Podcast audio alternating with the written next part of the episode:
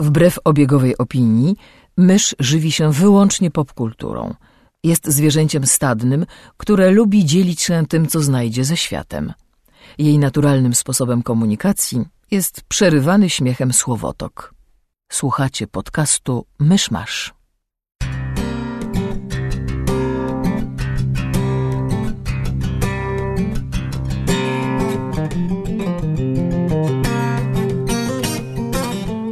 Drodzy słuchacze, za chwilę wysłuchacie 39 odcinka podcastu Myszmasz, dlatego zapraszam do 39 odcinka podcastu Myszmasz.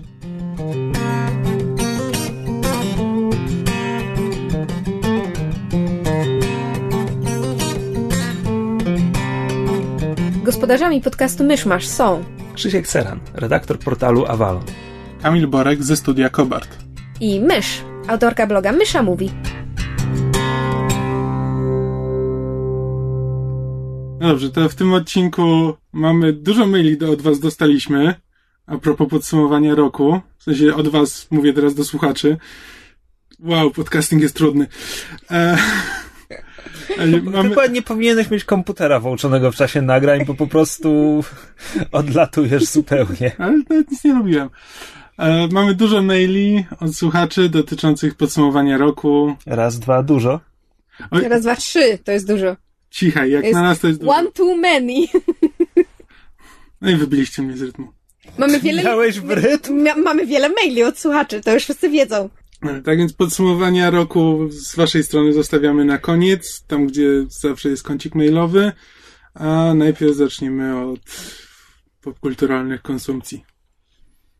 Mysz ostatnio się rozbestwiła i skonsumowała aż cztery filmy e, przedpremierowo.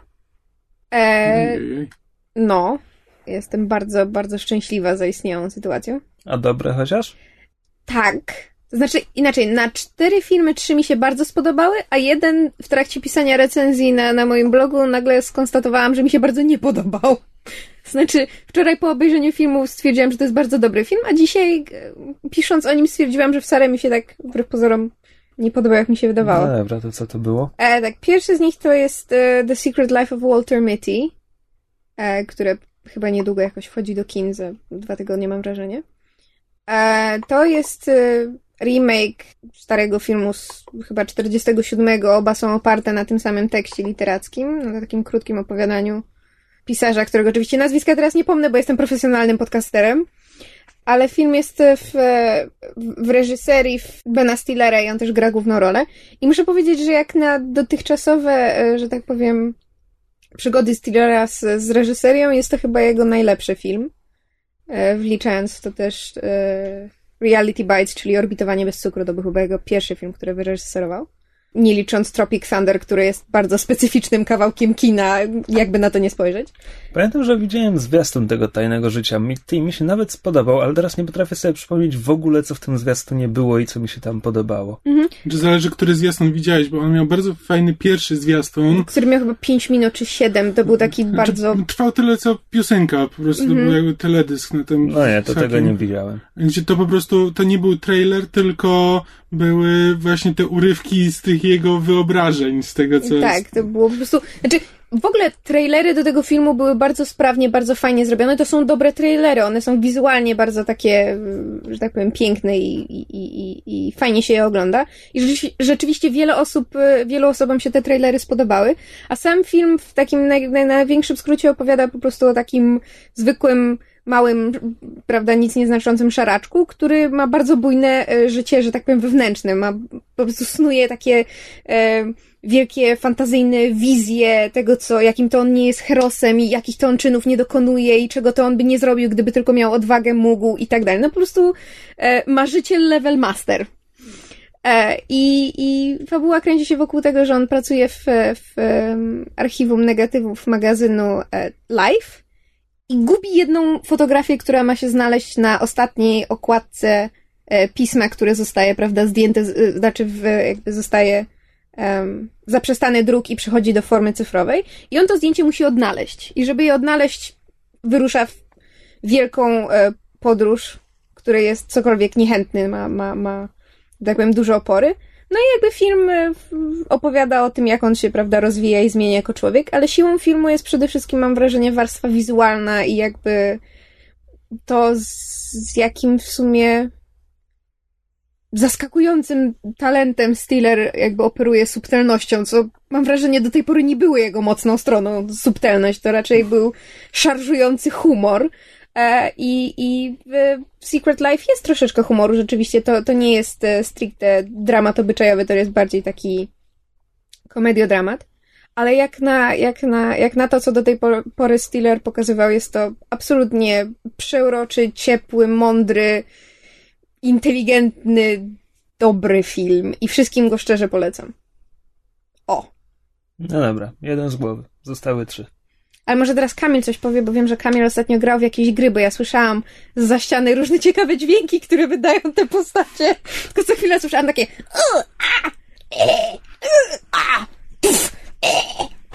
e, Dobrze, to ja może zacznę od gry, o której mysz mówi, tak elokwentnie. Jest to gra Brothers A Tale of Two Sons. Jest to bardzo interesująca rzecz. Zagrałem w to, w to z czystej ciekawości jest to jednoosobowa gra kooperacyjna. Polega to na tym, że steruje się dwoma braćmi i gra jest tylko i wyłącznie na pada. E, można, można w nią grać tylko padem, bo jeden grzybek steruje jednym bratem, drugi grzybek steruje drugim bratem, a pod e, triggery przypisane są po prostu akcje. I to jest całe sterowanie. Dwa grzybki plus dwa triggery. I brzmi to prosto i na początku było bardzo proste. E, historia jest taka, że zaczyna się od e, młodszego brata, który stoi nad grobem matki i wspomina, e, wspomina ją, jak zginęła, utonęła, kiedy byli razem na łódce. I jakby on od tego czasu boi się wody. No i potem wracamy do współczesności e, i ich ojciec zaczyna chorować. I oni go zabierają do jakiegoś znachora wioskowego i znachor każe im przy, przynieść lekarstwo i ruszają, e, ruszają w podróż, żeby zdobyć lekarstwo dla ojca. Historia, jakby fabuła jest e, w miarę prosta, szczególnie, że tam nie ma w ogóle dialogu. Wszystko jest zrobione jakby w takim języku ala Simsowym, że te postaci niby mówią coś do siebie, ale takim bełkotem, jakimś dziwnym językiem. Zazwyczaj to po prostu mówią jakieś tam pojedyncze słowa. I na początku no, zacząłem w to grać i takie ładne, baśniowe, w się wchodzi do miasteczka, które wygląda trochę jak e, Fable. Wszystko ładne, kolorowe. Zagadki dosyć proste. No tam trzeba po prostu posłać jednego brata, żeby pociągnął za jakąś dźwignię, a w tym czasie inny brat musi tam pokręcić jakimś e, pokręcić jakimś kołowrotkiem. Ale właściwie na czym e, gameplay polega? To jest, e, to jest 3D tak, jakby w życiu takim izometrycznym powiedzmy w 3D można obracać kamerę jakby dowolnie. E, I tak, jakby to są takie łamigłówki e, logiczno-przestrzenne, właśnie wymagające kooperacji. Jakby na początku trochę się, chwilę trzeba się przyzwyczaić, żeby do sterowania, e, jeśli się jedną postacią steruje jednym grzybkiem, drugą postacią drugim, chwilę, chwilę to zajmuje, żeby się przyzwyczaić. E, ale też gra jakby nie jest trudna, jakby i nigdy nie staje się trudna. Już tam potem, e, im dalej w las, tym te zagadki robią się ciekawsze, ale nigdy nie są, nigdy nie stanąłem w momencie, kiedy zupełnie nie wiedziałem, co robić. Zazwyczaj to rozwiązuję w jakieś 5, maksymalnie 10 minut, jeśli coś się, wiesz, e, zepsuło. Sama gra trwa 3 godziny. I tylko, że, no i o ile zaczyna się od takiej zwykłej bajki, to im dalej w las, tym robi się trochę, no nie wiem, mroczniejsza, trochę smutniejsza i to, co jest najpiękniejsze, to są lokacje, bo na przykład trafia się na pobojowisko po walce olbrzymów, gdzie po prostu przechodzisz, przechodzisz przez skały, gdzie leżą, e, leżą trupy olbrzymów. A rzeka e, spływa krwią. Tak, e, rzeką, tak, rzeką spływa ich krew. Albo zamrożone, zamrożone miasto, gdzie po prostu masz masz obywateli, którzy są zamrożeni pod śniegiem e, i tylko widać w, jakby w trakcie wykonywania normalnych czynności. I też jakby nie wiadomo, co się stało, bo jakby gra tego nigdy nie wyjaśnia, nie ma tam, tylko po prostu trafiasz do takich e, pięknych, bajkowych lokacji i to robi duże wrażenie. E, no i jakby właśnie to, co powiedziałem, że im dalej w las, tym e, z takiej zwykłej bajki zaczynasz mieć wrażenie, że ta gra e, wcale nie obiecuje happy endu i końcówka rzeczywiście jest mocno wzruszająca, poruszająca i robi to, co ja lubię w grach, to znaczy tę prostą mechanikę, którą sobie wymyśliła, zmienia w element narracji. E, I to do tego stopnia, że to jest moment w grze pod koniec, gdzie mm, naciśnięcie jednego guzika powoduje bardzo mocną e, emocjonalną reakcję. Nie jestem w stanie, nie, nie wyjaśnię tego więcej, bo to naprawdę trzeba zobaczyć samemu, ale, e, ale zdecydowanie warto. To są tylko trzy godziny z życia, a co naprawdę robią duże wrażenie. I want it. I place it. Uk. No. Okay. Tak, więc to polecam bardzo mocno. Gdybym w to zagrał wcześniej, to by pewnie trafiło na zestawienie roczne e, gdzieś wysoko na liście. Ale tak, ale wciąż polecam. Szczególnie, że teraz powinna już się powoli robić tańsze, no bo jednak kosztuje tam kilkanaście dolarów. Jak na trzy godziny rozrywki może być, może być dla niektórych za dużo. No dobrze, to teraz wracamy do filmów myszy, czy Krzysiek ma coś do powiedzenia? Mogę ja mieć coś do powiedzenia. Pełen profesjonalizm. Byłem na Wilku z Wall Street Martina Scorsese i tak.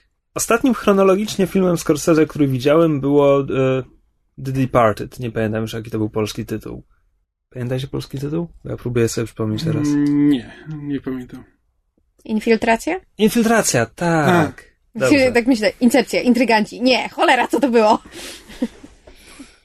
No i ja, ja byłem tamtym filmem bardzo rozczarowany, a potem byłem jeszcze bardziej rozczarowany, kiedy odkryłem, że można zrobić remake filmu sprzed pięciu lat i dostać Oscara i jakby e, nie podobało mi się to wszystko. No ale Scorsese ma w dorobku mnóstwo znakomitych filmów. Czy Wilk z Wall Street dołączy do, tych, do tej jego absolutnie najwyższej półki? Chyba nie ale na pewno się go fajnie ogląda. Ma niesamowitą energię. To jest historia, autentyczna historia e, maklera giełdowego Jordana Belforta, który zaczął e, zaczynał karierę tuż przed krachem w, z 1987 i po krachu e, zaczął na własną rękę, założył własną firmę, potem zaczął robić niewiarygodne pieniądze na jakichś przekrętach. Ja mówię jakichś przekrętach, bo obejrzałem właśnie film, który trwa tyle co Hobbit, ale go kompletnie nie interesują mechanizmy giełdowe. Nie. Do tego stopnia, że to jest e, tak jak w Chłopcach Ferrajny Ray Liotta, tak tutaj grający główną rolę Leonardo DiCaprio często zwraca się do widowni prosto mhm. z ekranu. Więc są dwie sceny, gdzie on zaczyna wyjaśniać właśnie tym maklerskim żargonem, o co chodzi, na czym te przekręty polegają, po czym przerywa w pół zdania, mówi, wiecie co, to nie ma znaczenia, robiliśmy pieniądze. Albo, mhm. wiecie co, to nie ma znaczenia, pytanie, czy to było legalne? Oczywiście nie. I jakby, także wiesz, ja obejrzałem dwie i pół godziny nie mam pojęcia, na czym te maklerskie przekręty, czy na czym to wszystko polegało. Nie mam pojęcia, bo film po prostu Scorsese w ogóle nie ma zamiaru tego wyjaśniać, bo nie mhm. o tym jest film. E, film jest o orgii konsumpcji. Można powiedzieć, że w sumie to jest historia wzlotu i upadku, ale tak naprawdę nawet ta część nie bardzo reżysera interesuje.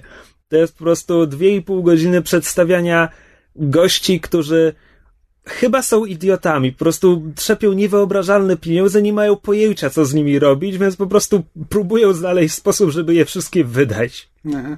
Jednym z pierwszych ujęć, chyba nawet pierwsze ujęcie filmu, to jest, o ile dobrze zinterpretowałem reżyserski zamysł, Leonardo DiCaprio wdmuchujący prostytutce kokainę do tyłka. To okay. jest po prostu, no wiesz, orgia, bachanalia, to jest niesamowicie wulgarny film. Ja nie mówię o dialogach, które skrzał się wulgaryzmami, ale po prostu tam są ciągle jakieś prostytutki, wciąganie narkotyków, takie mhm. po prostu... Hedonizm pełnogębą. Tak, ale to jest taki żenujący aż hedonizm. To jest mhm. takie, wiesz, po prostu kompletnie, że komuś czapa odbija. Takie wyobrażenie kogoś, kto się w życiu dobrze nie bawił o tym, jak się bawią ludzie, którzy potrafią się bawić. Wiesz co, umówmy się, no robili to filmowcy. Nie chcę tutaj wracać do stereotypów o filmowcach i o tym, jak się Hollywood bawi. Ja myślę, że twórcy doskonale wiedzą, na czym to polegało. E... Tylko wybrali co lepsze kąski ze swoich pokaźnych, że tak powiem, archiwów pamięci, co można robić na imprezach. Tak, powiedzmy. Przepraszam, właśnie przypominam sobie poszczególne sceny z filmów. E, nawet na plakacie filmu jest, że ktoś ma, ktoś ma szympansa w małym garniturze, który tam wchadza po siedzibie firmy. E, I pojawia się rzucanie karłami do tarczy, do celu, po prostu. Okay. Wow. Dwór, dwór cesarski, rozpad Imperium Rzymskiego. Ten, ten poziom zdeprawowania i po prostu wymyślania, co, co by z tym można robić. I tak naprawdę to jest cały film. Hmm.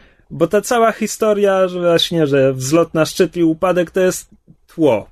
To jest po prostu dwie i pół godziny o tym takim kompletnym, bezmyślnym wydawaniu kasy. Hmm. Ale przy tym jest bardzo fajnie zagrany, ma niesamowitą energię, to się naprawdę przyjemnie ogląda. No, nie opowiada żadnej jakiejś wielkiej prawdy o człowieku. To jest, jest naprawdę, jeśli chodzi o wymowę, to jest bardzo prosty film. A jak wypada DiCaprio? E, super. Okej. Okay. Nie no, ja mam DiCaprio za bardzo dobrego aktora, co zdarzały mu się jakieś wpadki, zdarzył mu się południowoafrykański akcent w Krwawym Diamencie, z którego się zawsze będę nabijał, bo był koszmarny, ale jest dobrym aktorem i to jest kolejna jego dobra rola. Nie, po prostu pamiętałem, rozśmieszyła, rozśmieszył komentarz czyjś na Facebooku e, właśnie na temat DiCaprio. Dajcie mu już e, Oscara, bo się chłopak przeszarżuje. Tak, właśnie to, to samo pomyślałam. Też sobie już przypomniałam ten komentarz. Dlatego spytałem, czy właśnie, czy miałeś to samo odczucie, że to jest takie właśnie granie pod, pod Oscara, czy rzeczywiście... Nie, nie, jakby... Najwyraźniej kwestia odbioru. Kwestia odbioru, pewnie tak. A on jeszcze nie dostał nigdy Oscara? Nope. No proszę. Po prostu jedna z moich, to jest perwersyjna przyjemność, ale jedna z moich ulubionych przyjemności, jak są właśnie rozdania nagród, to są te okazjonalne przebitki na Leonardo DiCaprio, jak on przegrywa kolejne nagrody. Po prostu ta mina zbitego psa już ma doprowadzone do perfekcji. Nie, czekaj, czy Shutter Island to był Scorsese? No. Chcę powiedzieć nie. Zaraz ci powiem. Nie. Mamy researchera. Tak. Żartujesz? Shutter Island to był Scorsese. No dobra, czyli to był chronologicznie ostatni film Scorsese, który widziałem. On też mnie rozczarował. O i tak, i to bardzo. No, znaczy, e, it had such a nice build-up and then... Więc jakby na tym tle Wilk z Wall Street jest zdecydowanie powrotem do formy. To jest to właśnie, konstrukcyjnie to jest trochę jak Chłopcy z Ferajny, bo DiCaprio opowiada z ekranu tę swoją historię, -hmm. skupiając się zdecydowanie na tym, co było w tej historii fajne. E, jednocześnie przypomina mi trochę Dziełkujemy Zapalenie, tylko tak jak Dziełkujemy Zapalenie było szalenie błyskotliwym filmem, mm. ten jest prostacko wulgarnym, ale też się go fajnie ogląda. Obsada jest w porządku. Poza DiCapriem tam największe nazwiska w filmie to e, Matthew McConaughey w mikroskopijnej rulce i Jonah Hill. Mm. E, mała dygresja. Nie spodziewałem się, że kiedykolwiek zobaczę Johna Hilla w filmie Martina Scorsese. Z drugiej strony nie spodziewałem się jeszcze 10 lat temu, że Robert De Niro zacznie grać w Meet the Fockers i innych takich filmach. Johna Hill po Moneyballu po prostu stara się wejść właśnie w poważne filmy. Nawet hmm. oglądałem w The Daily Show, był z nim tam krótki wywiad i on właśnie opowiada, że on po prostu ubłagał Scorsese o to, żeby mu pozwolił zagrać w swoim filmie. On po prostu musiał go prosić i prosił go, żeby mógł pójść, przyjść na casting i e, mu się pokazać. Znaczy, nie widziałem Moneyball, ale Jonah Hill dobrym aktorem nie jest. Nie, Jakby nie, w Wilku z Wall Street ma po prostu tak jednowymiarową rolę, że do niej dobrze pasuje, ale... Tak, w Moneyballu też. Jakby nie uważam, żeby on był aktorem. On jest charakterystycznym aktorem, ale nie dobrym. No dobra, tak. E, poza tym obsada właśnie roi się od takich aktorów charakterystycznych, ale trzeciego, czwartego planu na zasadzie ja tę mordę gdzieś widziałem, mhm. ale nawet jak potem sprawdzałem w IMDB, próbowałem znaleźć, to też to było tak, hmm, w sumie to widziałem ten film, nie pamiętam go stamtąd, ale może na tej zasadzie ko kojarzę. Właściwie nie wiem, z takich, z postaci, które coś mi mówią i się tam pojawiają, jest e, Kyle Chandler, którego to nazwiska aktora nie kojarzyłem, ale twarz tak. To jest pan, który grał ostatnio w, przede wszystkim we Friday Night Lights, a ja go znam z cudownego swego czasu serialu e, Early Edition, czyli tak zwany serial o facecie, który dostaje e, serial o facecie z kotem, który dostaje jutrzejszą gazetę. Zdarzyło się jutro. Tak. Był w polskiej telewizji którejś. Nikt o nim praktycznie nie pamięta. Ja jestem tak zawiedziona. To był tak Pamiętam, fajny że serial. był. I kto jeszcze? Matka z Jak poznałem waszą matkę. I potem to już naprawdę zaczynają się Ona się twarze, nazywa... że... Ona się chyba go- nazywa widziałem. Milotti. Tak, tu- chyba tak. Ja tu widzę, że John Favreau tam się pojawi. Miałem, zapomniałem o nim. Też ma mikroskopijną rolę, jeszcze, jeszcze mniejszą niż, niż Makonefiu. Ma konewkę? Makonewkę. Ma konewkę. Także polecam, chyba że ktoś ma niską tolerancję właśnie na taką prostacką wulgarność. Libertyński hedonizm. Tak, tak, tak, zdecydowanie tak. To ja teraz może segwayem, skoro rozmawialiśmy o y, Makonewce, y, McConaughey, to ja e, powiem trzy słowa dosłownie o e, filmie Dallas Buyers Club. Polski tytuł bodajże Witaj w klubie. Mhm. Aha, Czemu nie? jasne, czemu nie?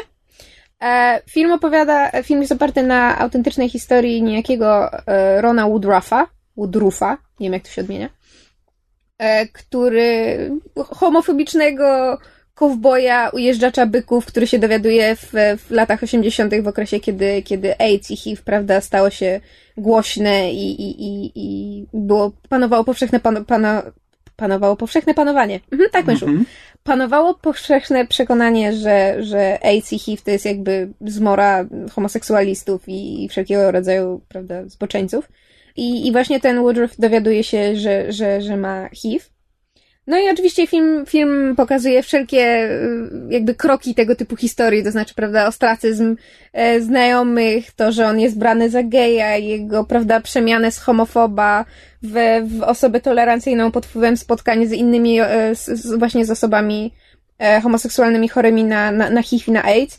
I e, historia skupia się wokół tego, że Woodruff na własną rękę zaczął nielegalnie z, z Meksyku i w ogóle z zagranicy sprowadzać em, leki em, właśnie pomagające przy AIDS, które nie były zaaprobowane przez e, amerykańską agencję FDA, czyli to jest tam Food and Drug Administration, którzy właśnie odpowiadają za, za przyznawanie praw do tam, do, do, do sprzedawania czy do rozprowadzania leków. No i rzeczywiście jest to poruszająca historia jakby sama w sobie, prawda, tej, tej walki z niesprawiedliwym systemem e, i, i, i starań pomocy się, znaczy właśnie z, i jakby też pod względem e, próby pomagania ludziom, którzy są w takiej samej sytuacji jak my, to też jest poruszający film. Ale oprócz e, powszechnie chwalonej roli e, Makonewki, która rzeczywiście jest fenomenalna, to znaczy ja nie mówię tego w żadnym stopniu z, z że tak powiem, z, z wrednością, w tym, w tym nie ma żadnego psztyczka, ale jest wiele prawdy w tym, że jak aktor schudnie ponad 20 kilo do roli, to, to gdzieś ma w swojej przyszłości jakąś nagrodę. Bo na McConaughey rzeczywiście bardzo dużo schudł do tej roli, ale poza tym wreszcie, co prawda nie pierwszy raz, ale wreszcie pokazuje, że jednak jest w nim coś więcej niż ten, prawda, opalony, umieśniony, czarujący dupek. Ale to chyba kręcili to i Wilka w podobnym okresie, bo w Wilku też jest taki patykowaty, że aż go nie poznałem w pierwszej Bardzo, chwili. bardzo możliwe, że to po prostu gdzieś tam pomiędzy, albo tuż przed, albo tuż po.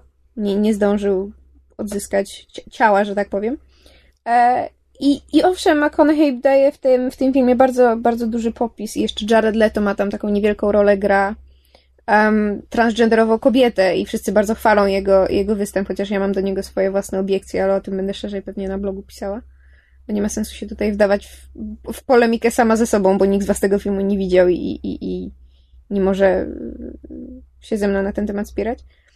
Natomiast oprócz tych występów aktorskich ten film nic nie wnosi, nic tak naprawdę nie opowiada nowego ani fabularnie, ani pod względem jakiegoś spojrzenia na, na ten okres, na te, na te wydarzenia, na te historie.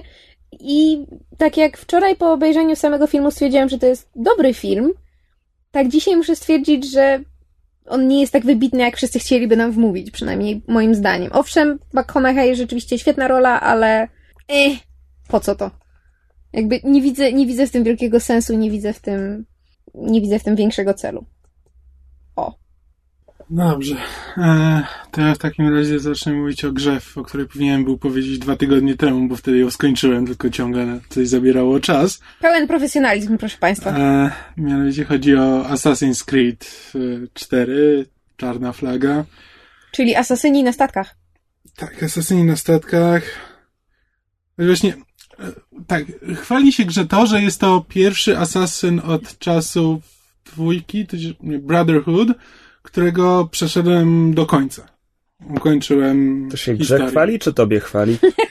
Znaczy, grze, że była w stanie mnie jednak przytrzymać na tyle, bo ani potem, e, czy co było po Brotherhood?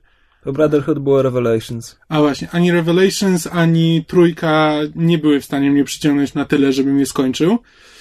Natomiast czwórce się to udało. Właśnie głównie ze względu na to, że tak, e, w warstwie rozgrywki nic się nie zmieniło. Wciąż jest to dosyć jednorodna rozgrywka, gdzie się biegnie po dachach i od czasu do czasu komuś wbije szpilę w plecy.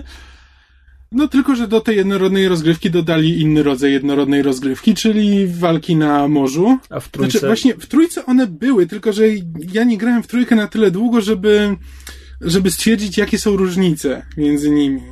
I po prostu jakby w trójce zanim mi dali możliwość pobawienia się na morzu, zatem te morza chyba nie były tak wielkie, że może w tym też leżał problem. I zanim doszło do tego, że dostałem jakąś tam możliwość popłynie, popływania statkiem, to, to już było tak daleko w, groz, w rozgrywce, że już tak byłem znudzony grą, że nie byłem w stanie dalej, e, dalej w to grać i wypróbować tego.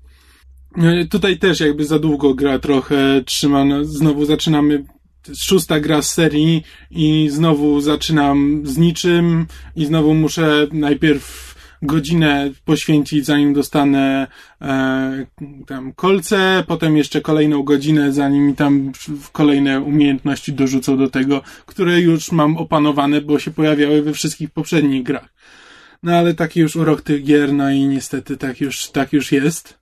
Z tym się trzeba nauczyć żyć. Ale tak, jakby w wersji fabularnej, o ile w trójce to było tak, że e, na początku zaczyna się grać ojcem głównego bohatera, czyli ojcem Conora, templariuszem, jak się tam okazuje. Hmm, spoiler. E, Mm. Dun, dun, dun. I Tylko, że potem jak już, i właśnie ten ojciec jest ciekawszą postacią niż potem główny bohater. Jakby Conor nigdy mnie nie przekonał jako postać i też to właśnie to jest też jeden z powodów, dla których nie chciało mi się potem w to grać, bo po prostu ta ich historia mnie w ogóle nie interesowała. E, natomiast tutaj jest nowa postać, e, Edward Kenway, czyli też jakby nie wiem, krewny potomek, nie jestem pewien teraz pokrewieństwa, ale właśnie Conor też miał na nazwisko Kenway, więc to jest e, On jest chyba przed, jest, nie wiem, dziadkiem tamtego. Szapszot, szapszotkiem no w jest. każdym razie jestem jakimś jego jakoś spowino, spowinowacony. Spowinowacony to by znaczyło, że przez małżeństwo, a nie przez... Nie? Okay, Spokrewniony. spokrewniony. Wszystko jedno. Co ja chciałem powiedzieć? Aha, Edward, Próbowałeś powiedzieć coś o fabule gry. tak, że, znaczy najpierw chciałem powiedzieć, że Edward Kenway jest zdecydowanie jakby ciekawszą postacią. Na początku zaczyna się od tego, że jest trochę przefajnowany, bo po prostu ma być takim piratem, którego nic nie obchodzi poza jego własną, e, poza jego czubkiem nosa.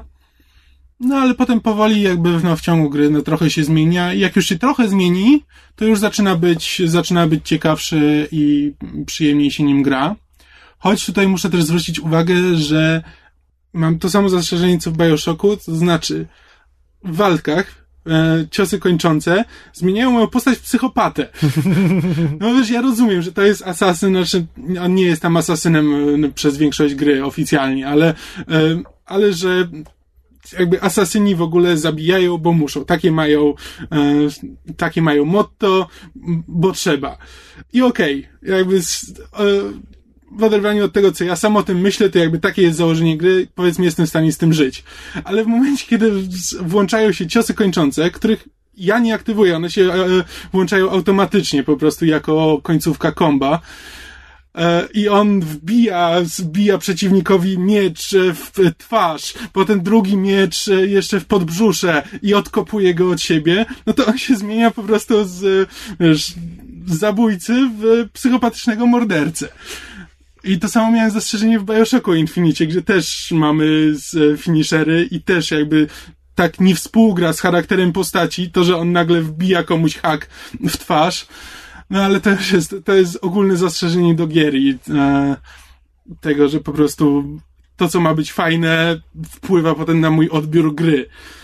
Ale wracając do fabuły. Fabuła jakby obraca się wokół e, jakby dążeń Kenwaya i tam jego pirackich znajomków do stworzenia Republiki Nassau, znaczy Pirackiej Republiki w Nassau.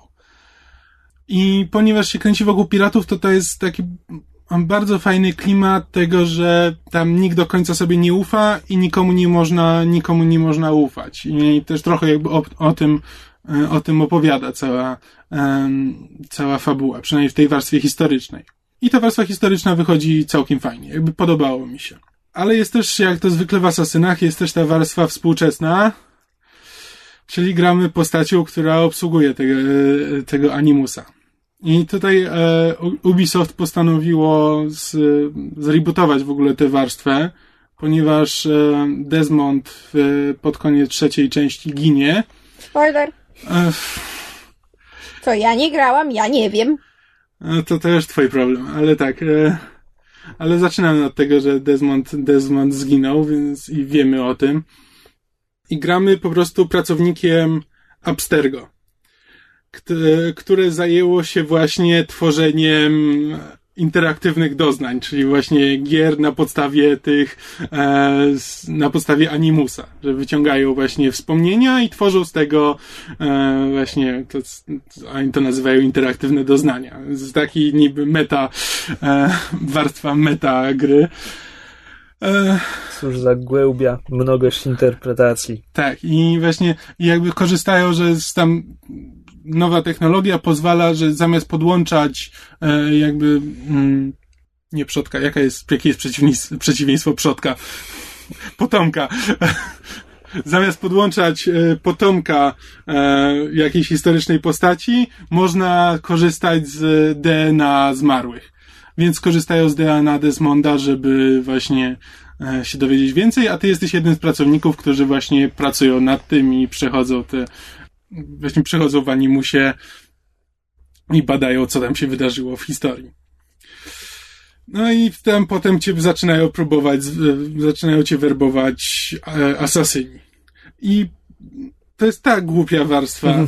Znaczy, to jest, znaczy, zawsze, ta, ta warstwa zawsze cierpiała najbardziej, bo tam nie było co robić. Ja po prostu i tutaj też, no, zmienili, zmienili, zrewolucjonizowali w ogóle tą całą rozgrywkę, bo teraz się patrzy z y, perspektywy pierwszej osoby zamiast trzeciej. Co jest? Zrewolucjonizowali, trudne słowo. Sorry. Już no. mówiłem, podcasting jest trudny. Tak, więc teraz patrzymy z perspektywy pierwszej osoby, więc chyba mamy, yy, mamy wierzyć w to, że to my jesteśmy tym pracownikiem Abstergo, no i oczywiście też jesteśmy niemą postacią zupełnie, więc jesteśmy postacią bez wyrazu. O ile Desmond był postacią bez wyrazu, bo był słabo napisany, to tutaj po prostu postanowili już dalej nie pisać więcej. E, no i próbują nas werbować i cała rozgrywka w tej wersji opiera się o to, że chodzimy po, tej, po tej siedzibie Abstergo i możemy się włamywać do komputerów innych i dostajemy tam materiały. E, z tego dowiadujemy się, co tam się stało z Desmondem tuż przed jego śmiercią i jakby co potem planują z nim zrobić po jego śmierci. Ale jest to tak zupełnie nieinteresujące, tak kompletnie e, nudne mechanicznie, że właściwie nie wiadomo po co. Ale na szczęście to są krótkie, krótkie momenty i nie trzeba się tam za bardzo w, e, poświęcać temu za dużo czasu. No ale tak poza tym, no to jeśli ktoś po prostu nie lubił Asasyna, to, to na pewno go nie przekona do, e, czwarta część go nie przekona, bo nic nowego nie robi. Natomiast jeśli ktoś e, grał już w Asasyny, podobało mu się tylko, że się właśnie na przykład tak jak ja już znudził formułą i odstawił to na jakiś czas, to myślę, że może spróbować w to zagrać e, i może mu się ja, spodoba. To ja, to no, ja. No, na przykład. Możesz spróbować. Ciekaw jestem, czy by ciebie, ciebie to akurat wciągnie. Maszu, dwa filmy ci zostały? Tak, to ja je może omówię szybciutko hurtem, bo wbrew pozorom e, mam o nich na tyle e, wbrew pozorom mam o nich mało do powiedzenia, dlatego że one są na tyle dobre, że po prostu powinno się je obejrzeć, a nie słuchać tego, co ja mam o nich do powiedzenia. Um, to jest znakomita reklama naszego podcastu. Tak, no w ogóle ten odcinek jest szalenie na profesjonalny. Szalenie profesjonalny. Nie musicie nas słuchać, po prostu oglądajcie filmy. Oto po prostu przepis na sukces. Pierwszy z tych filmów to jest e, e, August Osage County, czyli sierpień w, w hrabstwie Osage. Tak jest chyba e, tytuł. Po polsku. I jest to ekranizacja sztuki Tracy'ego Letza. Dobrze mówię? Letza, chyba tak. Zapamiętałem ze zwiastunu, że ma fantastyczną obsadę. Tak, jest to drugi po kamerdynerze film z zeszłego roku, bo wbrew y, temu, że wychodzi w tym roku, jest to film z 2013 roku. E, drugi po kamerdynerze film z tak e, cudowną obsadą. Tylko, że tak jak w wypadku kamerdynera ta obsada jest cokolwiek niewykorzystana, tak tutaj każdy ma swoje 5 minut, a czasem nawet więcej. Jest to tak świetnie napisany film, to znaczy jakby e, scenarzystą filmu jest scenarzysta sztuki, więc e, a, a, sztuka jest powszechnie uważana za, za, za wybitną i rzeczywiście to w filmie, to w filmie widać.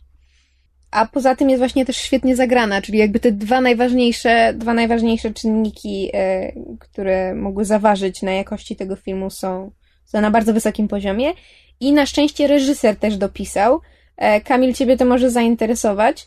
Reżyserem filmu jest niejaki John Wells, który jest e, showrunnerem, reżyserem i scenarzystą amerykańskiej wersji serialu Shameless, No, którego my jesteśmy dużymi fanami. E, co się o tyle ciekawie składa, że zarówno Shameless, jak i właśnie ten film August Osage County opowiadają przede wszystkim o jakby relacjach dysfunkcyjnej rodziny. I Wells bardzo, e, bardzo dobrze tego typu relacje pokazuje. To znaczy, on je pokazuje w taki sposób, że e, że, że nie ocenia swoich bohaterów. On po prostu nam ich pokazuje z całym dobrodziejstwem inwentarza, ze wszystkimi ich wadami. Niektóre są bardzo pokaźne i nam jakby pozostawia wydanie jakiegokolwiek werdyktu, nam pozostawia ocenę to, z kim mamy sympatyzować. On nam ich po prostu e, ukazuje. August Osage County opowiada o e, właśnie o spotkaniu e, członków dysfunkcyjnej rodziny z, w wyniku pewnych nieszczęśliwych okoliczności. I jak Krzysiek wspomniał, obsada jest absolutnie zatrważająca, rzekłabym. E, Tutaj Krzysiek się na, Na, mnie na pewno chcesz. Tak, I'm going with that one. Shush. To jest słowo, które sobie wybrałam i będę się go trzymać. No dobrze, Okej. więc kto wchodzi w skład tej zatrważającej Obsady, obsady, która wprowadza w trwogę. E, swoim talentem. Tak, to jest dokładnie to, Moje co uszy. chciałam osiągnąć. moje uszy i mózg po środku? Cicho. E, więc tak, w jednej z głównych ról mamy e, fenomenalną Meryl Streep, e, która po raz kolejny po prostu pokazuje, że nie na darmo co chwila wygrywa jakieś nagrody. Ja bym jej w sumie za tę rolę od ręki wręczyła Oscara. Czemu by nie? E, jest też Julia Roberts w bardzo dobrej roli. W sumie na, powiedzmy na równi, jeśli chodzi o poziom z, z tym, co zrobiła w Erin Brockovich. Chociaż tutaj ma, ma mniejszą rolkę, bo, bo nie jest jakby główną bohaterką, tylko to jest tak zwany ensemble movie, czyli, prawda, mamy grupę. Mamy jeszcze e, Chrisa Coopera e, w bardzo ładnej roli, jest Sam Shepard, jest Margot Martindale, która jest świetną aktorką, którą ja bardzo lubię, ona ostatnio przede wszystkim w serialach grywa. Mamy jeszcze Iwana McGregora, cudownie zarośniętego i jak patrzyłam na jego brodę, to po prostu miziałabym. Bez urazy kotku. Ale Iwana McGregora miziałabym.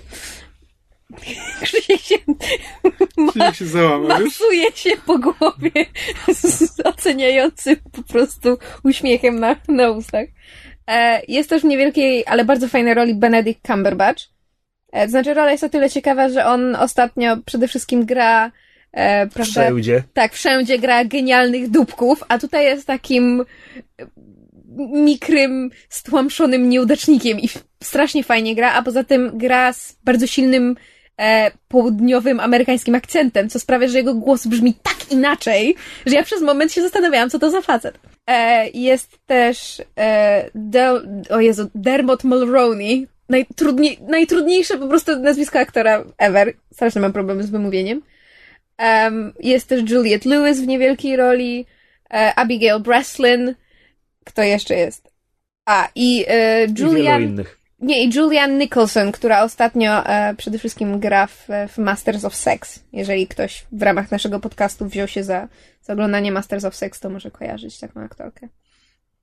I film jest absolutnie cudowny, trudny, ale tak, tak prawdziwy i tak życiowy i tak jakby bezkompromisowo pokazujący właśnie jak działają relacje między, międzyludzkie i jak, jak po prostu ludzie są w stanie się kochać, a jednocześnie nienawidzieć i, i współczuć, a jednocześnie wywlekać wszystkie swoje problemy, jak są w stanie z jednej strony egzystować, a z drugiej strony prawie, prawie że nie żyć, bo, bo, bo są po prostu tak, tak puści. Strasznie się tutaj już, jak zwykle, e, mysz przy recenzowaniu filmów, e, strasznie się już tutaj zakałapućkałam w tym wszystkim, ale e, bardzo film polecam, rzeczywiście jest wybitny. A drugi, i to jest w, w moim osobistym rankingu film, rzekłabym nawet chyba film roku, tak jak mówiliśmy, że, że Pacific Rim, prawda, w podsumowaniu naszym mówiliśmy, że Pacific Rim jest takim jednym z, z filmów zeszłego roku. Tak, film Her, czyli po polsku ona, Spike'a Jonesa, e, wybija się dla mnie e, na, na prowadzenie, tylko problem polega na tym, że obejrzałam go już w tym roku, mimo że on jest z 2013, ale za to należy dziękować oczywiście jak zwykle polskim dystrybutorom, którzy, których w ogóle nie obchodzi, e, prawda, to ile Polacy muszą czekać na filmy, nawet te... Ciesz się, że w ogóle są na ekranach. Tak, właśnie cieszę się. E, e, Her akurat wchodzi chyba w walentynki. Co jest w sumie dobrym dobraniem terminu. I nawet jeszcze zdążymy przed, zdążymy przed Oscarami, więc y, będziecie mieli szansę sami ocenić film i zdecydować, czy waszym zdaniem zasługuje na, na nagrodę. Moim zdaniem zasługuje na wszystkie możliwe nagrody. Kto to jest? Kto tam gra i o czym to jest? Spike Jones to jest... Um, Jego akurat znam. Ale może słuchacze nie znają. Spike Jones wyreżyserował uh, Being John Malkovich, adaptację i Where the Wild Things Are. I Her jest jego reżyser, jest jego scenariuszowym e, debiutem, to znaczy to jest jego pierwszy film, który zarówno wyreżyserował, jak i napisał. E, a opowiada o Teodorze, postać, którą gra Joaquin Phoenix, który jest e, no, takim troszeczkę samotnikiem, mało, mało towarzyskim. Mówisz o aktorze czy postaci? Aha, there you go. Bardzo ładnie. E, mówię o postaci. E, który nawiązuje przyjaźń, ukośnik, relacje, ukośnik, coś więcej, ze swoim systemem operacyjnym sztucznej inteligencji. I to jest dokładnie ta reakcja. E, film został pięknie określony jako e, sci-fi dramedy romance. Bardzo mi się taka kategoria podoba. To brzmi jak Spike Jones. Tak, dokładnie.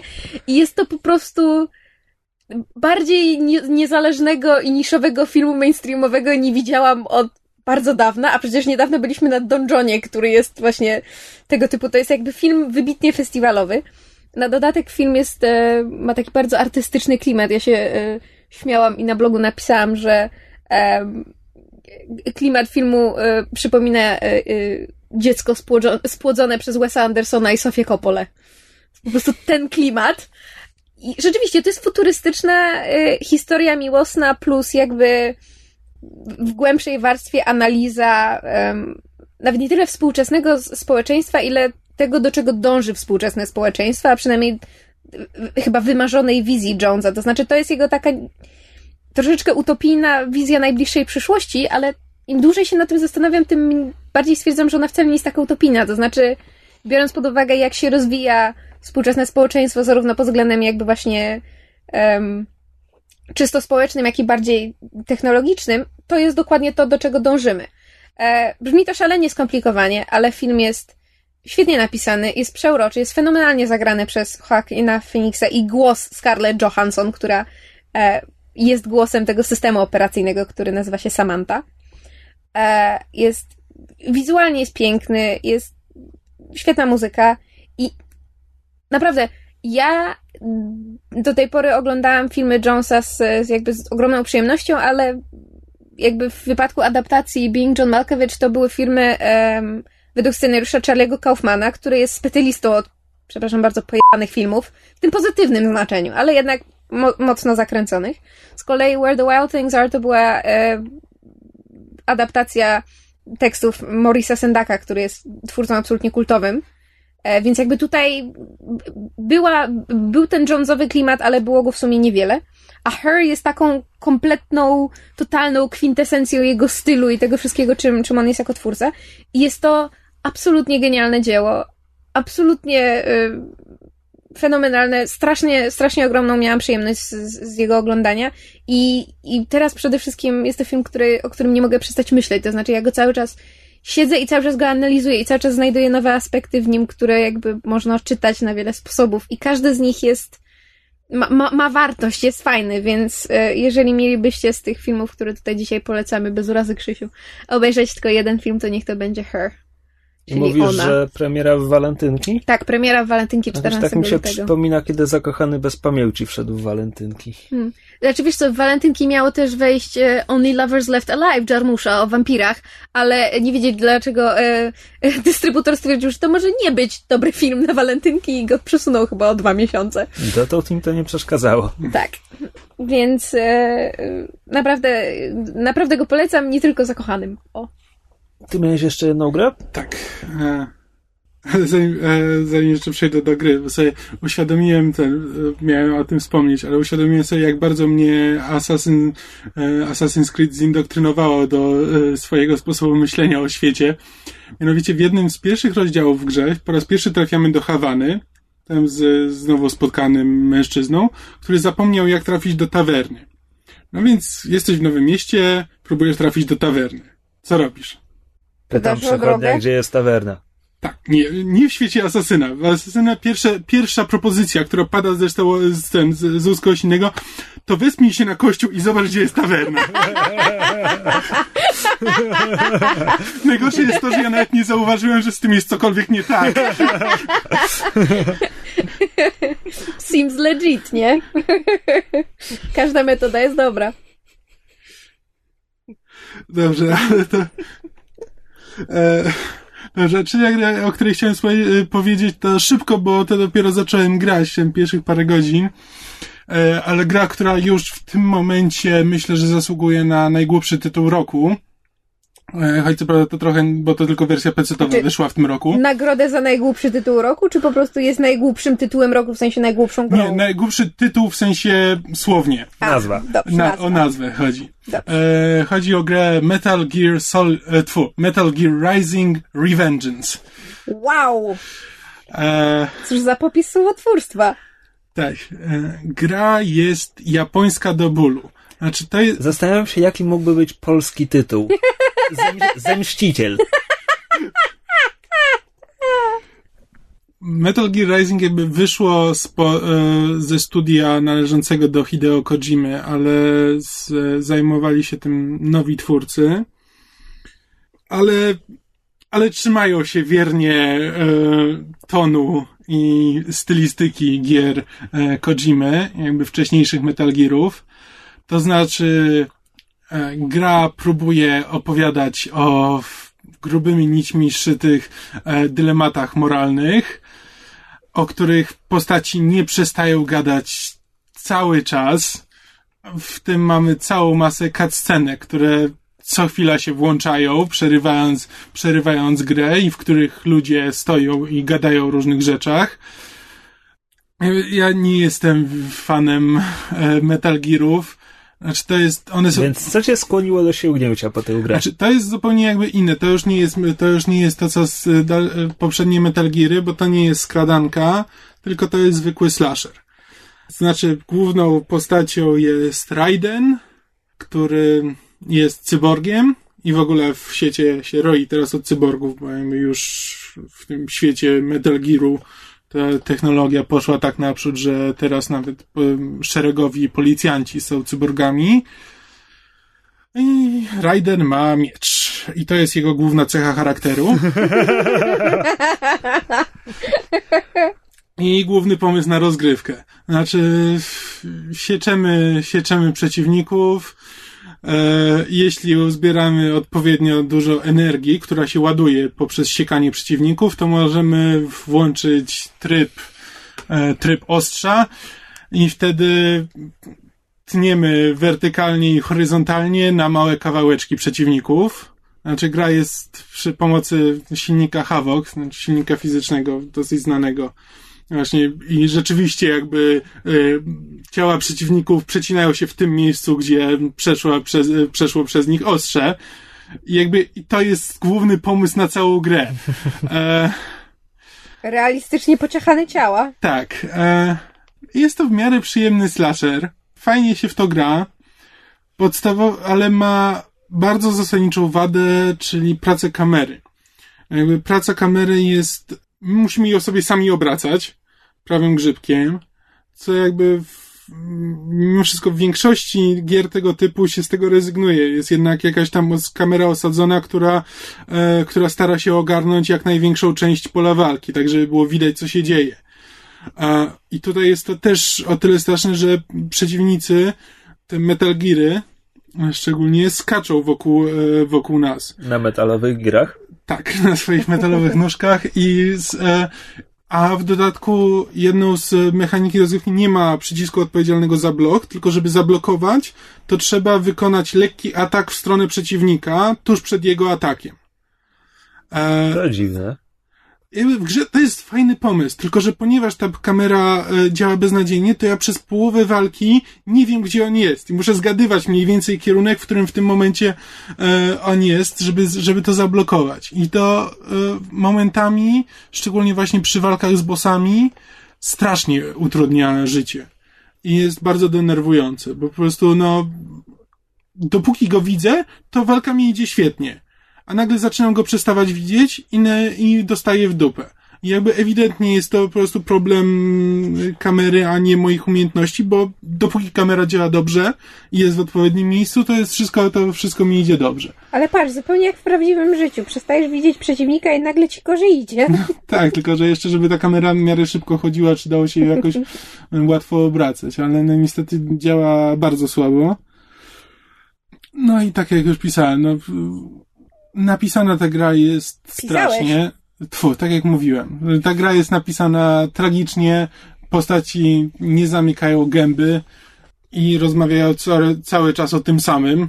Znaczy mamy tak, że najpierw mamy briefing, to się pojawia nam, otwiera się okienko, w którym e, jedna z osób, które kieruje naszymi działaniami, mówi nam, co mamy zrobić w misji.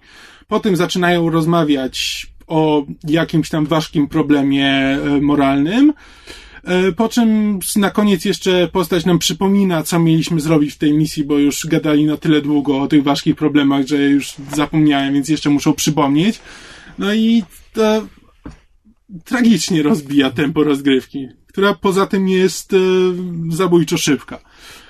E, co właśnie tym bardziej wzmaga to wrażenie, że dajcie mi w końcu zagrać, no bo mamy, wiesz, szybkie, szybkie walki, napieszanie się mieczami, po czym znowu dialog i w którym ja muszę czekać, aż w końcu skończą, skończą rozmawiać. No ale to już jest tak, to już jest niestety typowe dla japońskich produkcji. Ale tak, ale jeśli ktoś lubi e, slashery, a w dodatku nie ma na przykład dostępu do konsoli, gdzie jakby ten gatunek jest lepiej reprezentowany, no to Revengeance jakby jest fajny, można w, można w to zagrać e, z dużą przyjemnością. E, I jakby mogę tak umiarkowanie polecić. Z taką pewną nieśmiałością. Z pewną nieśmiałością. Dobrze, coś jeszcze? No tak. Krzysztofie, ty chyba ostatnio jakąś książkę Tak. przeczytałeś. Tak, przeczytałem wreszcie nowego Wiedźmina, sezon Bush Andrzeja Sapkowskiego. Nie ma za co. Proszę bardzo. Eee, I Może wyjaśnijmy, o co chodziło? Przepraszam, e, w- że ci przerwę, ale właśnie zobaczyłem na Wikipedii e, japoński tytuł Metal Gear Rising Revengeance. I to jest Metaru Gia Raijingu Revengeance'u. Dobrze, Rozbawiło mnie to niepomiernie. Krzysiek pożyczył ode mnie sezon Bush, przeczytał i teraz nam powie, co myśli. a, hmm, Bardzo ciekawie mówisz, Krzysztofie. tak, prawda? Wiesz co, ja chyba powinienem zacząć od mojego ogólnego poglądu na Sapkowskiego. Oho, Eee, zobaczymy, czy zaraz będzie rozwód w podcaście. Okej. Oho, to nie jest dobry początek. Wielka schizma wnętrzmaszowa. Nie no, moje ogólne podejście do Sapkowskiego jest takie, że e, że abstrahując od jego funkcji jako jednego z ojców założycieli polskiej współczesnej fantastyki i w ogóle e, jestem fanem opowiadań o Wiedźminie. Mhm. Nie przepadam za pięciosięgiem. Rozumiem, akceptuję. E, I ja już ci kiedyś poza anteną tłumaczyłem czemu, bo opowiadania, znaczy po pierwsze e, kwestia formy. Sapkowski jest mistrzem krótkiej formy, a jak ma napisać coś ponad 50 stron, to się zaczyna gubić. Mhm. W sensie on sam. Tak, tak, rozumiem. Nie wie, jak prowadzić wątki tak długo. Kompletnie. To po pierwsze. Po drugie, opowiadania. Opowiadania są po prostu rozstrzelone. Jest, że tak powiem, taki wiedźmiński standard, to znaczy Geralt się mierzy z potworem i to jest fajne. Mhm. Jest, e, no jest to przerabianie, branie na tapetę baśni i przerabianie ich na, na własną modłę przez Sapkowskiego i to też jest fajne. Mhm. E, Jest miejsce na to dyrdanie o przepowiedniach i strasznym, mrocznym losie, który czeka Wiedźmina. Ja nie jestem fanem tych wątków chyba w żadnym wydaniu, więc no ale w opowiadaniach też jest na nie miejsce. E, I jest też miejsce na kompletną zgrywę i jazdę po bandzie. Jest miejsce na, mówiłem ci, jedno z moich, jedno z moich ulubionych opowiadań to jest to z Mimikiem, gdzie ganiają po Nowigradzie i słuchają o spekulacjach handlowych czy e, Kraniec Świata z, z Diabołem. No to Mhm. też jest przecież farsa. I to jest super. A w Pięcioksięgu nie ma na to miejsca. W Pięcioksięgu jest trochę wiedźmińskiego standardu, strasznie dużo drdania o przepowiedniach i mrocznym losie i, I taka ogólna wojenna zawierucha, wojna tak, jest i zła i przykra. społeczne, moralne dyrymałki. I y, Pięcioksięgu jest dla mnie po prostu strasznie na jedną nutę. Rozumiem. I dlatego jestem fanem opowiadań. E, Rozumiem, akceptuję, zgadzam się, a ja mimo to pięcioksiąg kocham, ale to ja jestem dziwna. No tak, ale nai naiwną, młodzieńczą miłością. To, Tak, jak, jak najbardziej, ale niestety ta miłość potrafi być najtrwalsza. to zabrzmiało dziwnie. Pod względem popkultury ja nie mówię, że życia. No jest tak, jak mówiłem, że Sapkowski nie potrafi prowadzić wątków dłużej niż 50 stron, jakby czytając Pięcioksiąg miałem wrażenie, że te postaci po prostu ganiają w piętkę. Znaczy Mhm. inaczej. Po lekturze Pięcioksięgu miałem wrażenie, że okej, to było pięć książek o tym, jak postaci ganiają w piętkę. Potem try- przeczytałem trylogię husycką i zrozumiałem, że ja nie rozumiałem, czym jest ganianie w piętkę przez bohaterów. No dobra, i teraz wracamy do sezonu Bush. Zabierając się do lektury już znałem, wiedziałem czego się spodziewać, słyszałem twoją opinię, czytałem recenzję, więc jakby wiedziałem, że to jest tak jakby, nie wiem, te trzy czy cztery opowiadania zszyte w powieść dość niezręcznie. Mhm. Więc kiedy tak w połowie książki sobie pomyślałem, mm, ale by było super, gdyby to się potoczyło tak, to już wiedziałem, że to się tak nie potoczy. Mhm. Więc na przykład tak sobie pomyślałem, ponieważ tak naprawdę ta książka to jest tak.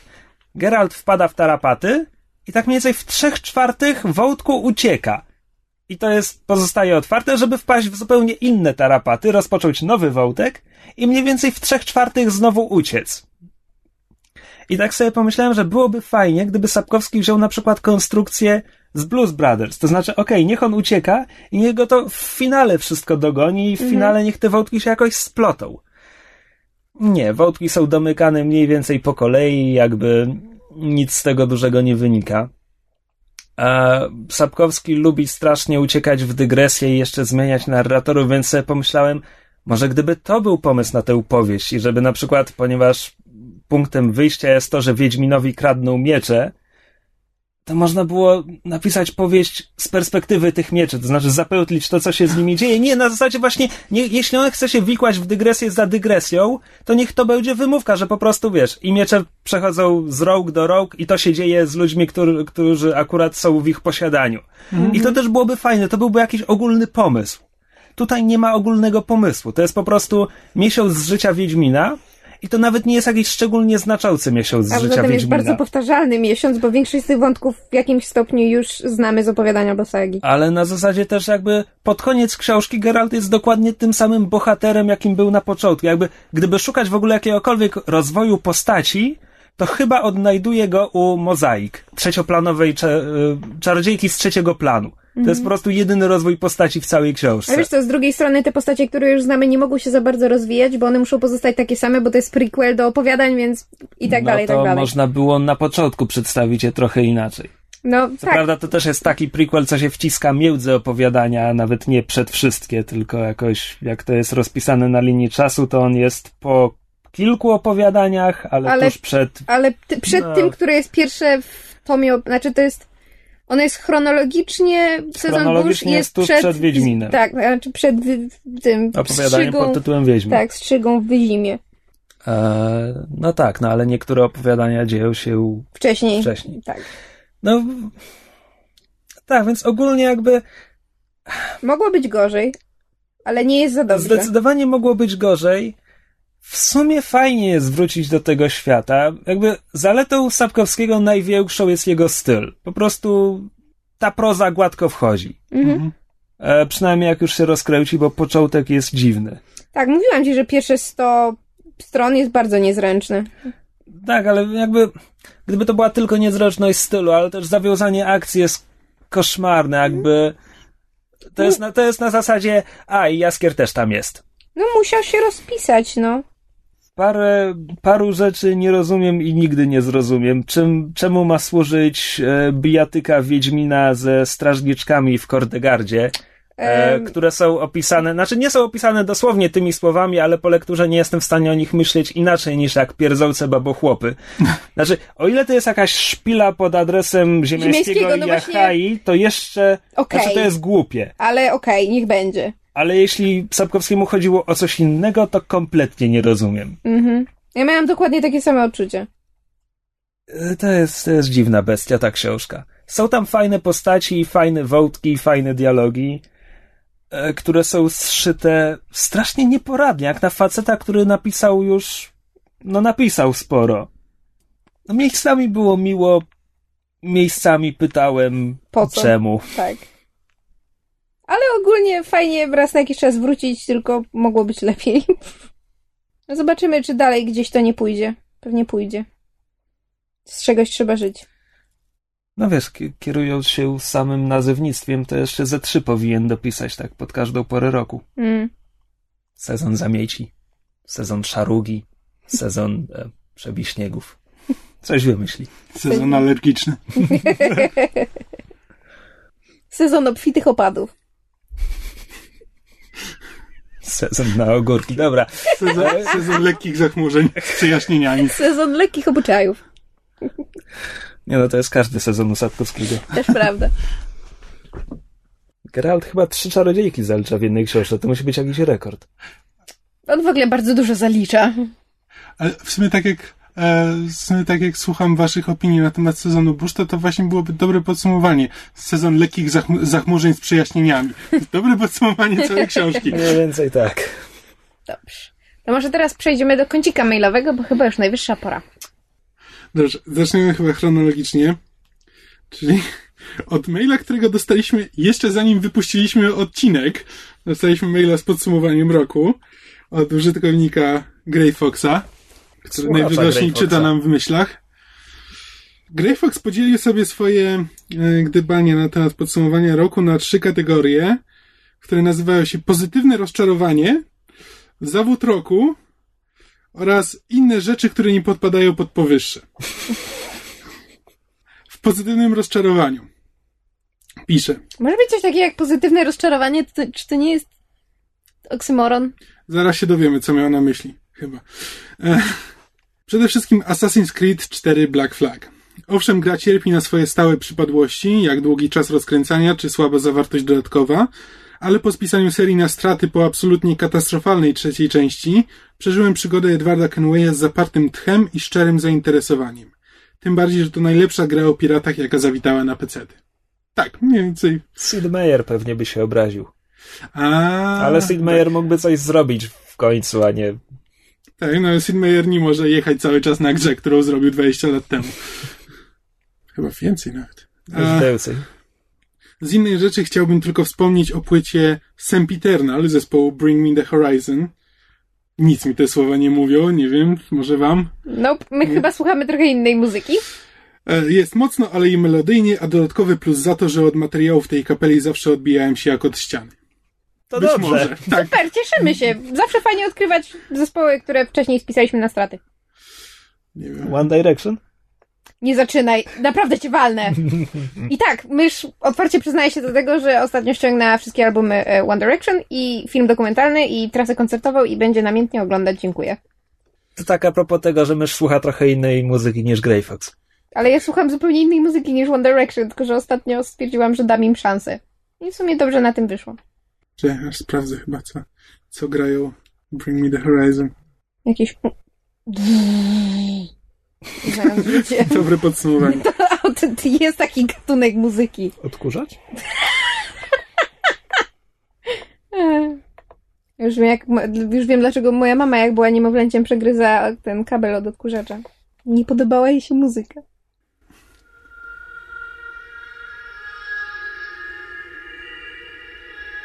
Przewinę jakoś do połowy. Czy...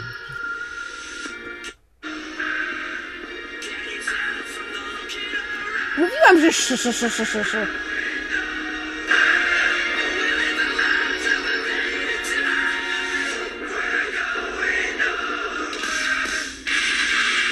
Mówiłam, odkurzacz. To taki z Indrem, trochę jak 30 Seconds to E, Mars. Właśnie, to mogę wspomnieć, że to jest, y, to jest muzyka a la Metal Gear Revengeance. E, właśnie mniej więcej do, takiej, do takiego akompaniamentu toczą się walki. E, dobrze, wrócę do maila. Następny podpunkt w kategorii pozytyw, pozytywne rozczarowanie. Still not a word. Lego Marvel Super Heroes. Jak już pisałem na Avalonie, kupiło mnie bez reszty. Miałem ogromne wątpliwości, kiedy przysiadałem do tego tytułu, ale na szczęście było świetnie. Idealna gra na spotkania w większym gronie z drugą połówką, syna z ojcem czy z dziadkiem. Mało która gra dawała tyle radochy. Akurat z tym się możemy zgodzić. Tak. Bo żeśmy się z Kamilem bardzo dobrze bawili wspólnie grając. Pomijając, że w sumie bardzo rzadko wspólnie gramy.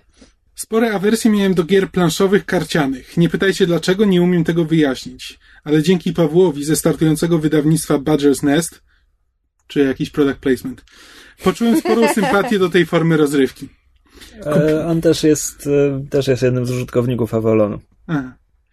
E, kupiłem od nich świetną i prostą grę taktyczną Seven Ronin, polegającą na starciu bezpańskich samurajów z bandytami napadającymi wioskę i jestem po prostu oczarowany. Jakby tego było mało, kupiłem sobie na święta Warhammer 40 tysięcy Relic, tajemnica sektora Antian, Jezus Maria, jaka nazwa, Wow! osadzoną w jednym z moich ulubionych uniwersów i nie ma weekendu, byśmy ze znajomymi nie przeżywali przygód jako wysłannicy Imperium Ludzkości. Jakbym miał wybierać, to właśnie moje zarażenie się tą formą rozrywki jest najbardziej pozytywnym i niespodziewanym rozczarowaniem mijającego roku.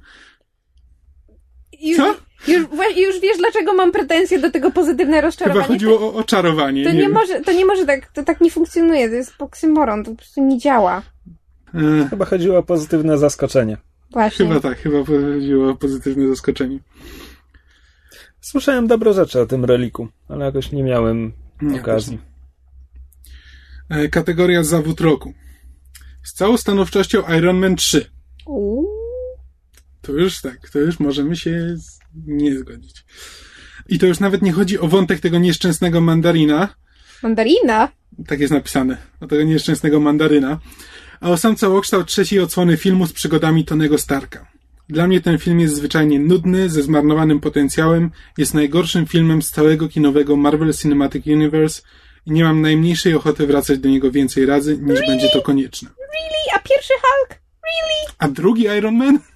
A pierwszy Hulk masz na myśli z Rickiem Baną? No. On nie jest częścią tego Marvelowego uniwersum. Eee, wszystko to jest o Hulku. Eee, zdecydowanie drugi Iron Man jest słabszy od trójki, to jakby ta, tak jak ostygł mój entuzjazm do trójki, to wciąż jakby nie mogę się zgodzić.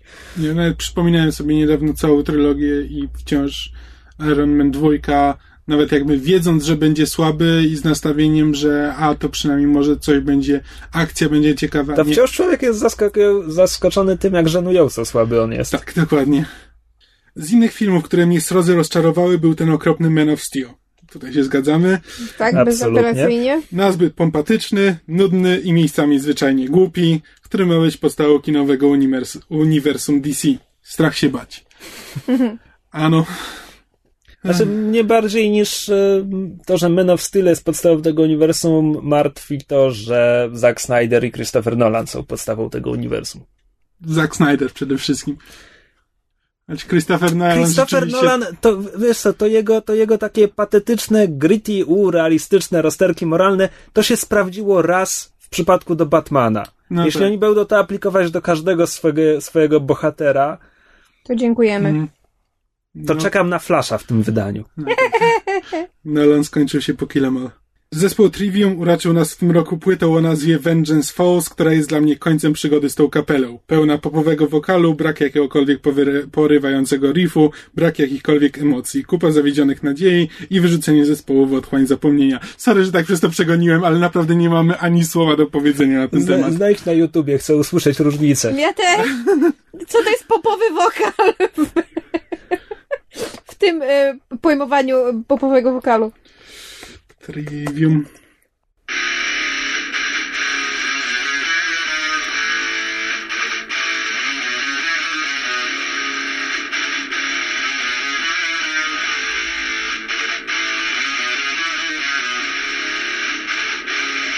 No pozwolę, że przewinę. Ja, cze- Przewin jeszcze kawałek. ja czekam na ten popowy wokal.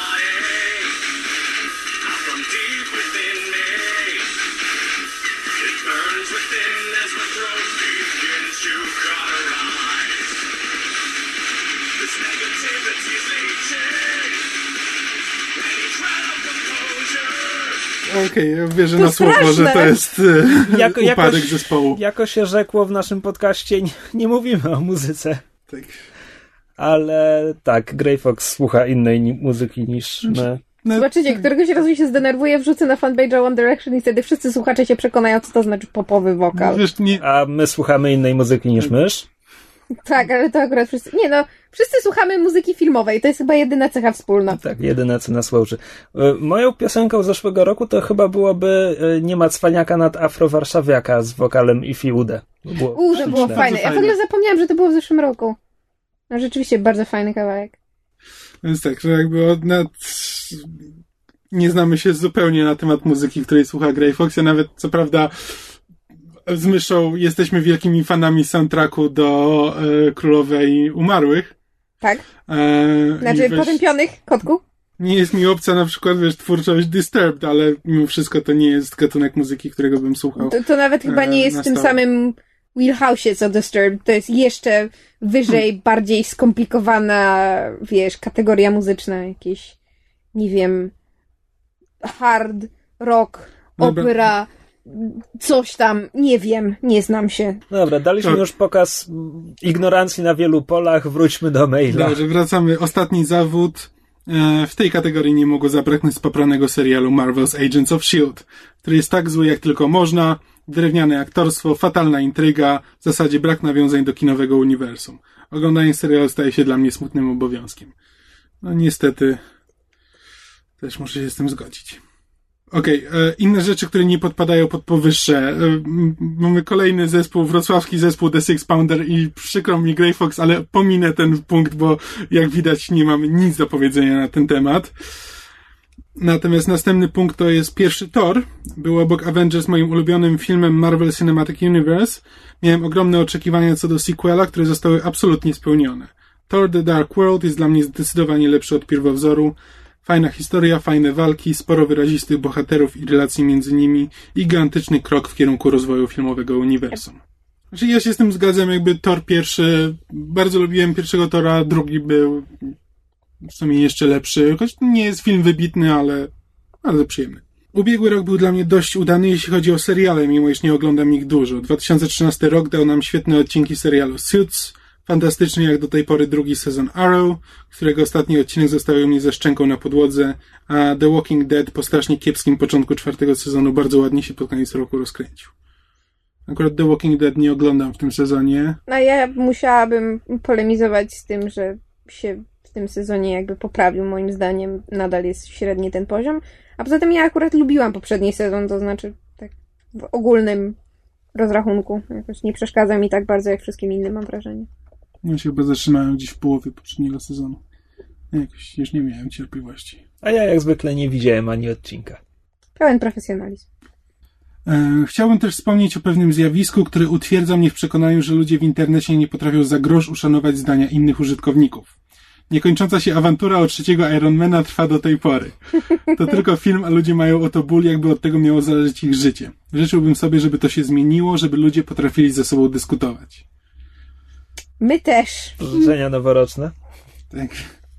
No i na koniec jeszcze jedna rzecz. Nie chcę tu nikomu za przeproszeniem wchodzić w dupę, ale ja start bym, ja bym ten podcastu... fragment też pominął.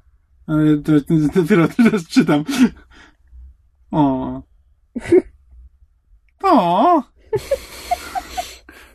No takie miłe.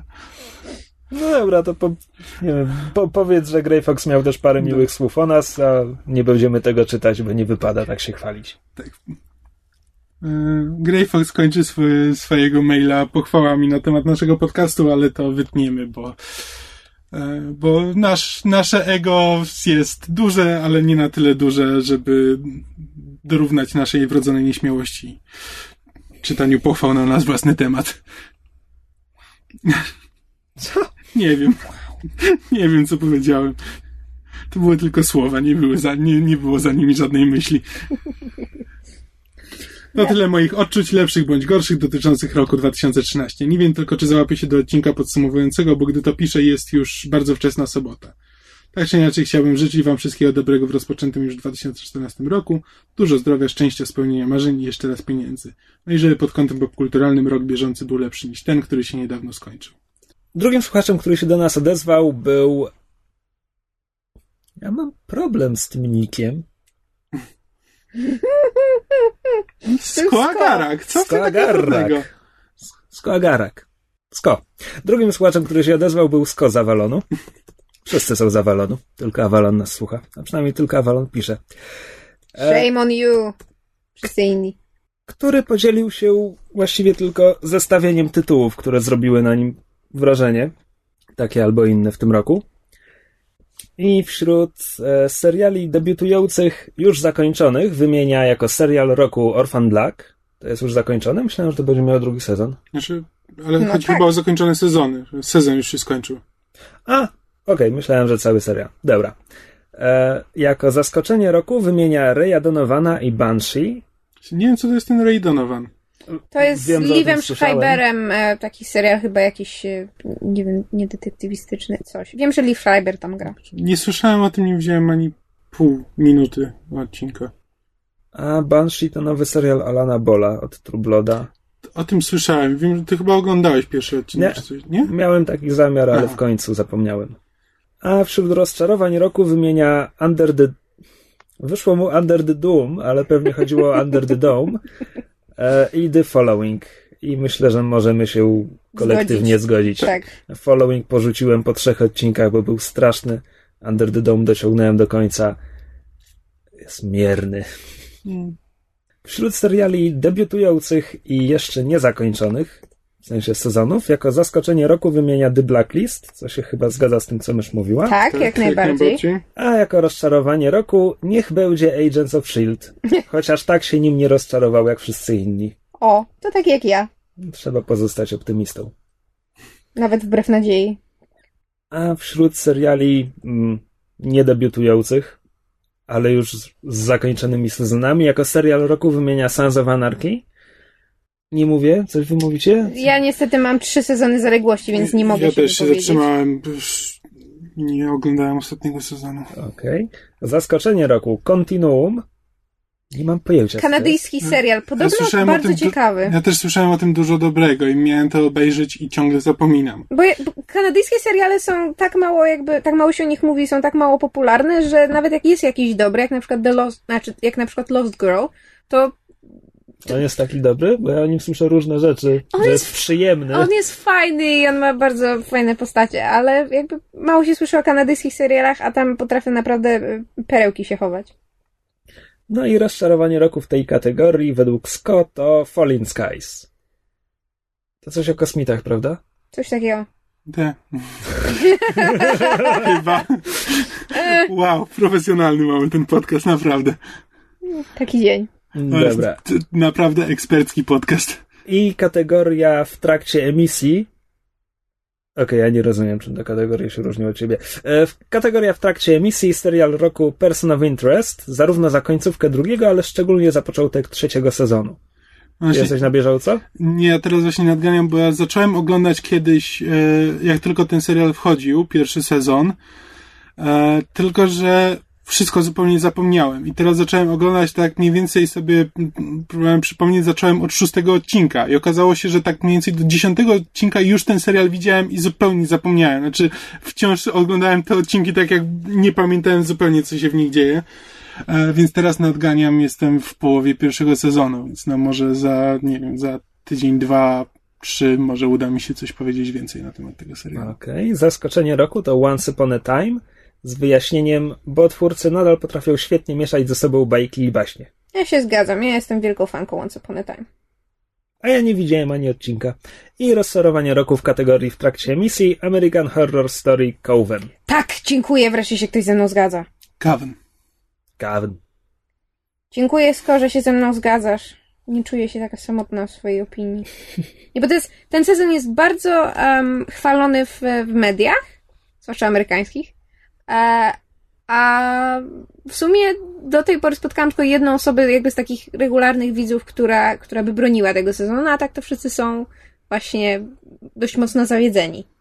Może dlatego, że drugi sezon był, był takim bardzo mocnym tąpnięciem i teraz w porównaniu ten trzeci wypada tak trochę pusto i nudnawo. No ale zobaczymy, co, co Ryan Murphy dostarczy w kolejnym sezonie, bo podejrzewam, że będzie kolejny sezon. W kategorii gry roku Sko wymienia trzy tytuły i nie wiem, czy to jest w jakiejkolwiek kolejności, czy po prostu po prostu trzy najlepsze gry według niego. StarCraft 2 Heart of the Swarm, czyli druga, jedna trzecia drugiego StarCrafta.